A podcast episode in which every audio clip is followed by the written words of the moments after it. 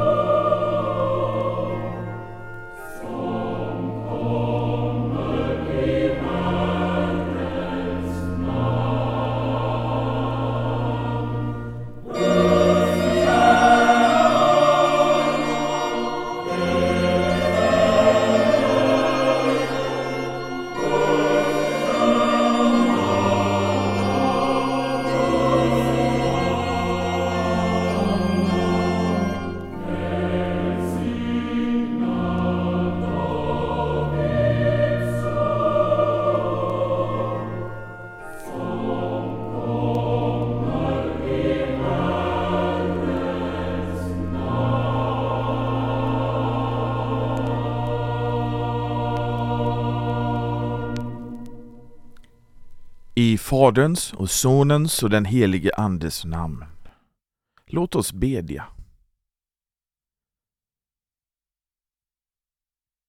Jesus, hjälp oss denna stunden att rätt ditt ord förkunnas må. Du är den enda säkra grunden vi i vår svaghet bygger på.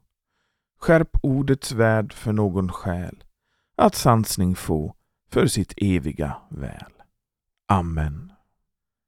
Låt oss lyssna till den här evangelietexten på första söndagen i advent och den är hämtad från Matteus evangeliets 21 kapitel, verserna 1 till och med 9. När de närmade sig Jerusalem och kom till Betfage vid Oljeberget sände Jesus iväg två lärjungar och sade till dem Gå till byn som ligger framför er där skall ni genast finna en åsna som står bunden med ett föl bredvid sig. Lös dem och led dem till mig. Och om någon säger något till er skall ni svara Herren behöver dem. Han kommer då omedelbart att skicka iväg dem. Detta hände för att det skulle bli uppfyllt som var sagt genom profeten.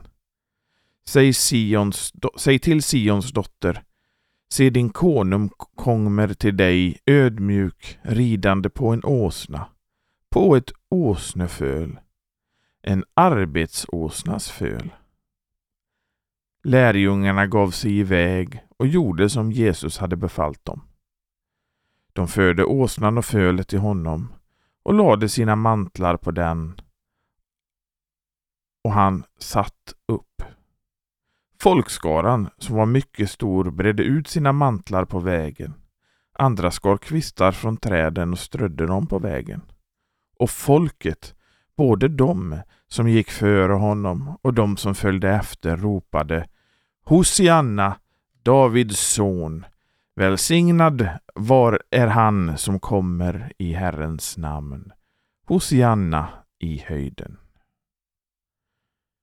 Så lyder det heliga evangeliet. Lovad var du, Kristus. I denna välkända text rider Jesus in i Jerusalem. Folk hade väntat på att Messias skulle komma och mötte honom med jubel och glädje. Men vilken Messias hade de väntat på?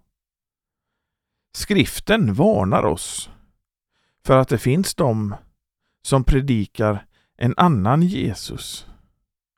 Ty om någon kommer till er och predikar en annan Jesus än den vi har predikat, eller om, no om ni tar emot en främmande ande eller ett främmande evangelium som ni tidigare inte tagit emot, då fördrar ni det bara allt för väl skriver evangelisten Paulus i Andra Korintierbrevet. Det finns de som predikar om en annan Jesus, ett annat evangelium än det som blir uppenbarat för oss i skriften. Och folk tolererar det. De till och med föredrar det. Den fallna människan är på grund av synden dragen till det som strider emot Guds bud och befallningar och tar med öppna armar emot en annan Jesus och ett annat evangelium som passar dem bättre. Så var det också med dessa personer som jublade när Jesus red in på ett åsneföl i Jerusalem. De väntade sig en annan Messias än den Messias, Jesus, Guds enfödde son, som de strödde ut palmer och mantlar för. De väntade på en Messias som skulle rädda dem från den romerska ockupationen och återupprätta kungadömet. Inte den Messias som kom ridande på åsnan, som hade blivit utlovad sedan syndafallet, som skulle rädda människorna från synden, döden och djävulen. Därför blir vårt ämne för denna predikan hur Jesus verkligen kommer till oss. Hur Jesus verkligen kommer till oss. Och vi säger för det första Jesus kommer till våra hjärtan. Jesus kommer till våra hjärtan. För den människa som inte har kommit i kontakt med Guds ord kan det vara svårt att förstå hur det verkligen står till med henne. Särskilt i denna sekulariserade värld så är det verkligen främmande för människan, människan att hon är i behov av en frälsning som kommer utifrån. Man vill vara självständig och ser sig inte som en syndare som är i behov av att få sina synder förlåtna. Man är en säker syndare som inte har en aning om vilka allvarliga konsekvenser som synden för med sig. De känner inte till det straff som är en konsekvens av synden. Eller om de känner till att det finns ett straff och ett helvete så tror de att det inte gäller dem utan det är bara för dem som är de allra, allra, allra värsta. Och de är ju mycket, mycket, mycket, mycket värre än dem. Gud vill att alla människor ska bli frälsta och komma till insikt om sanningen. Och att ingen människa ska gå förlorad. Så han kallar människorna till sitt rike i gemenskap med honom. De flesta människor tar inte tillvara på den hand som Gud sträcker ut till dem när han kallar dem till att bli en av hans egna. De märker inte ens att Gud kallar dem utan fortsätter att vara säkra syndare med sovande samvete. Men Gud, han kallar människorna gång på gång och ger människorna många tillfällen att bli ett av hans barn och komma till tro. Han vill inte att en enda själ ska gå förlorad, utan han vill verkligen människorna väl. Han vet vad vi behöver och vad vi vill innan vi vet det själva. När en människa svarar på Guds kallelse, ja då är det viktigt att hon börjar bruka Guds ord. När en människa svarar ja på Guds kallelse är det nämligen genom att hon börjar bruka Guds ord och bedja. Men man har inte blivit en sann kristen därför att man har börjat bruka Guds ord och be. Men en sak är klar och det är att man kan inte bli en sann kristen utan Guds ord. Och det finns de som skjuter upp att svara på Guds kallelse. De tycker inte att det passar sig att bli en kristen just nu. Men sen, sen ska man bli det. Men det är rent dåraktigt att vänta. Det är rent dåraktigt att vänta med det, för man vet inte om eller när Gud kallar igen. Och det blir för människan svårare och svårare för varje gång att säga ja. När en människa börjar bruka Guds ord och tar det på allvar genom att man brukar ordet med avsikt att bli frälst, en sann kristen, och att man gör det med siktet på evigheten, ja, då börjar den helige Ande ta sin boning i människans hjärta och börjar utföra sitt verk. Då upplyser Gud henne med lag och evangelium så att hon blir omvänd och frälst. Människans förnuft är efter syndafallet förmörkat och det gör att människan varken känner sig själv eller Gud. Då blir man upplyst med Andens gåvor som är just lag och evangelium. När man blir upplyst genom lagen så ser människan sina synder och lär känna sig själv så som en stor syndare. Och då börjar hon ångra sin synd. När en människa ångrar sina synder och inget annat längtar efter än att bli befriade från dem, så är hennes samvete, som tidigare var sovande, då har det vaknat och hon går från att vara en sovande syndare till att bli en uppväckt syndare. Då är det lätt att tro att man redan är en omvänd och vårt eget kött och den onde försöker inbilla oss att vi redan är omvända.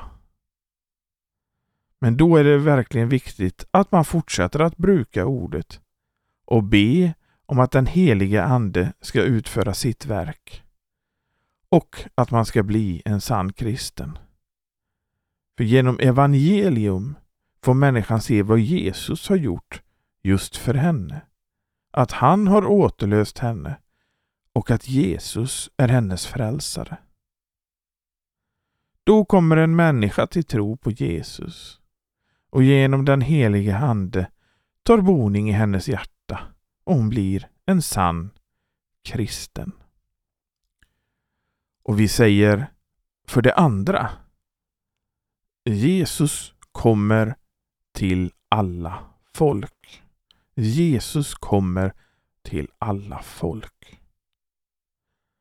Som jag rörde vid tidigare väntade det judiska folket på en politisk Messias som skulle rädda dem från romarna och återupprätta kungadömet. De ropade Hosianna, Davids son. vilket man kan översätta med Rädda oss, Davids efterträdare. I synnerhet hos evangelisten Markus läser vi att Jesus befaller folk att inte berätta för någon vad han har gjort när han har gjort under och botat folk.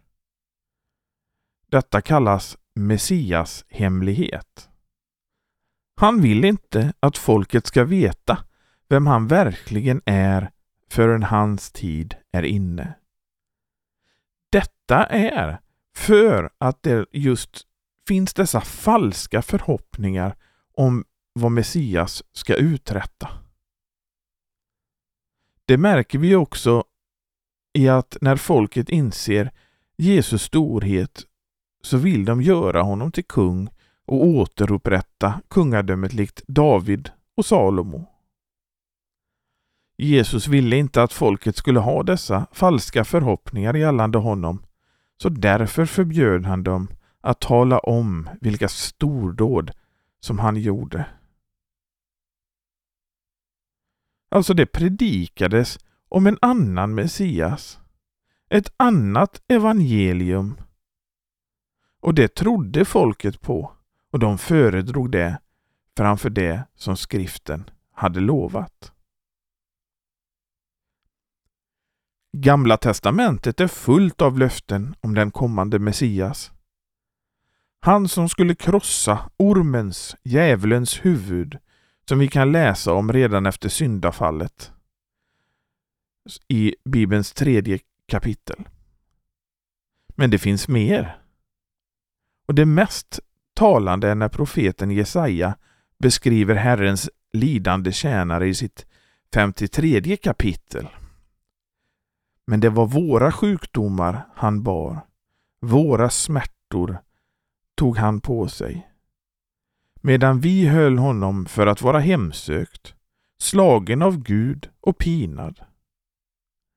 Han var genomborrad för våra överträdelsers skull, slagen för våra missgärningars skull. Straffet var lagt på honom för att vi skulle få frid och genom hans sår är vi helade. Vi gick alla vilse som får. Var och en gick sin egen väg. Men all vår skuld lade Herren på honom. Messias skulle lida, bli slagen för våra överträdelsers skull. Straffet var lagt på Jesus från tidernas begynnelse för att vi skulle få frid. Detta trots att det var vi som hade gått vilse. Men vår skuld la Herren på honom. Messias räddning är en räddning från något som är mycket värre än romarna eller hellenisterna. Eller något annat, nämligen synden, döden och djävulen. Döden kom genom en människa, Adam. I honom är vi alla ett. Vår synd har vi fått i arv från våra första föräldrar, Adam och Eva. Och syndens lön är döden. Döden kom genom en människa men så gör också frälsningen, som kommer från någon som inte bara är människa, utan också Gud, Jesus Kristus.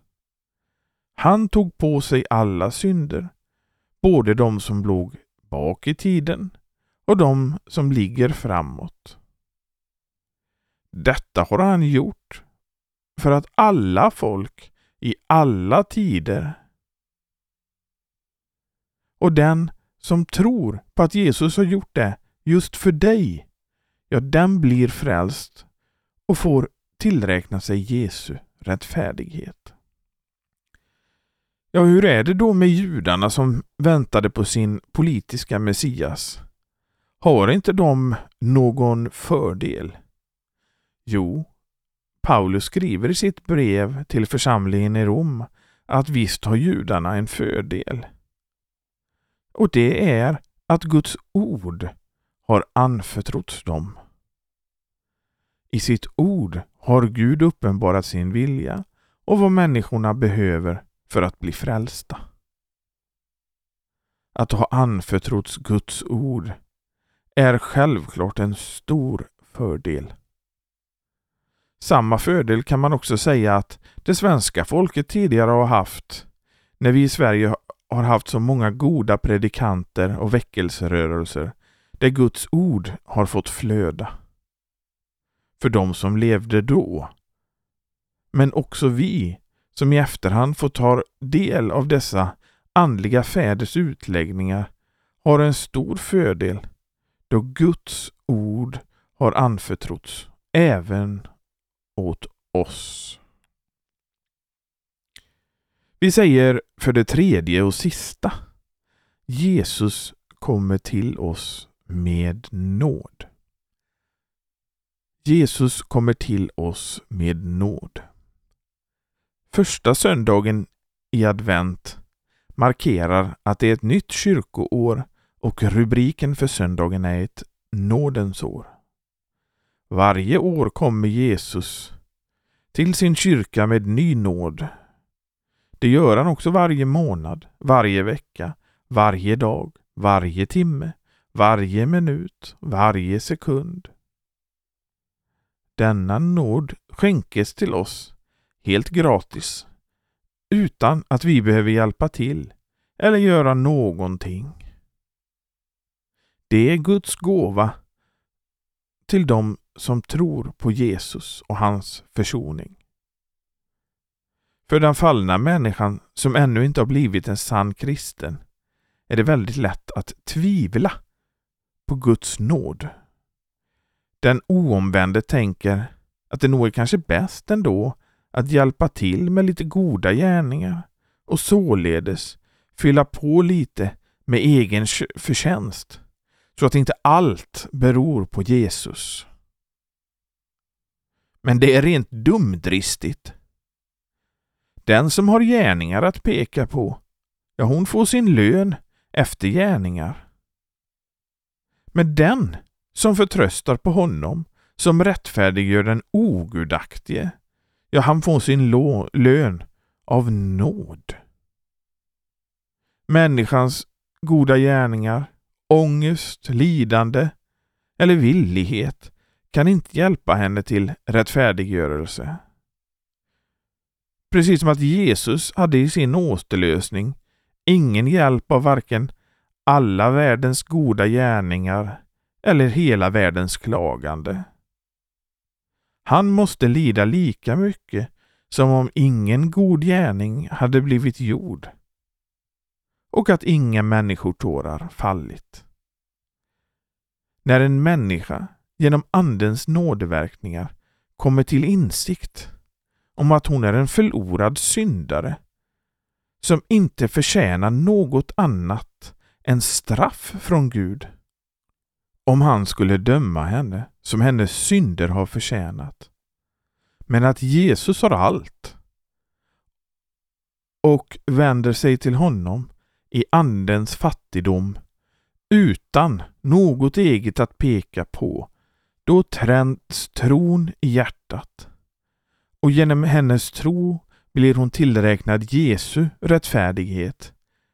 Så när Gud ser på henne ser hon ingen annan än sin enfödde son. Kära lyssnare av denna predikan. Närma dig Gud i Andens fattigdom så att du också blir en av Jesu egna och att Jesu rättfärdighet blir tillägnad dig. Så du får leva tillsammans med Jesus i himmelen i evigheternas evighet. Amen. Låt oss be den bön som Jesus själv har lärt oss. Fader vår som är i himmelen. Helgat var det ditt namn. Tillkommer ditt rike. Ske din vilja, så som i himmelen, så och på jorden. Vårt dagliga bröd giv oss idag och förlåt oss våra skulder, så som och vi förlåta dem oss skyldiga äro. Och inled oss icke i frestelse, utan fräls oss ifrån ondo. Ty riket är ditt och makten och härligheten i evighet. Amen.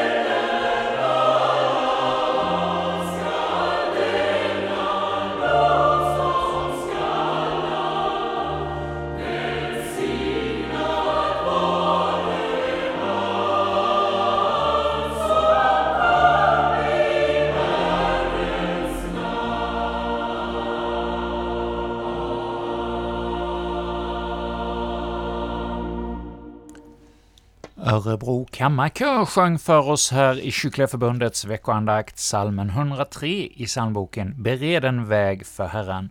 Ja, vi får alla bereda oss inför Jesu ankomst och ta till oss av budskapet i adventssöndagarna när vi nu förbereder oss inför julhögtiden som närmar sig med stormsteg. Och till vår hjälp för vår andakt denna gång hade vi Kristoffer Helle från Borås. Och ni är alla välkomna att återigen höra en ny veckoandakt om en vecka. Och då inför andra advent så får vi lyssna till en betraktelse med Joakim Brandt Erlandsson från Moeda i Småland. Och om ni inte har möjlighet att höra programmen när de sänds i Borås närradio och Växjö närradio, och har tillgång till internet, ja, gå gärna in på vår hemsida kyrkligaförbundet.se. Där kan ni, när ni själva vill, lyssna till alla våra andakter. Och med detta säger vi från Kyrkliga Förbundets närradio tack för denna gång och önskar er alla en välsignad adventstid.